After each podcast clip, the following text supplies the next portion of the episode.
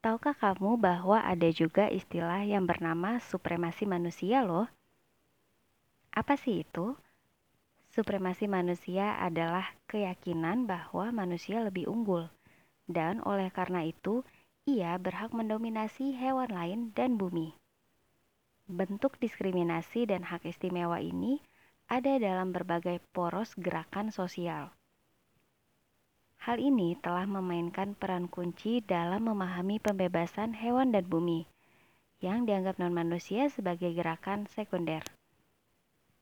Seperti ideologi supremasi lainnya, supremasi manusia melanggengkan diskriminasi, perbudakan, dan pembunuhan pada umumnya, dan terhadap hewan non-manusia pada khususnya.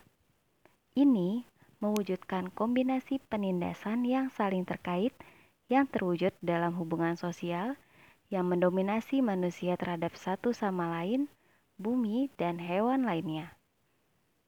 Serupa dengan supremasi kulit putih dengan diskriminasi masyarakat kulit hitam, dan patriarki dengan diskriminasi perempuan dan non-laki-laki lainnya. Seperti rasisme dan seksisme Spesiesisme adalah diskriminasi irasional terhadap hewan non-manusia berdasarkan spesies. Nah, mulai sekarang, apa kamu masih yakin mau mendiskriminasi non-manusia?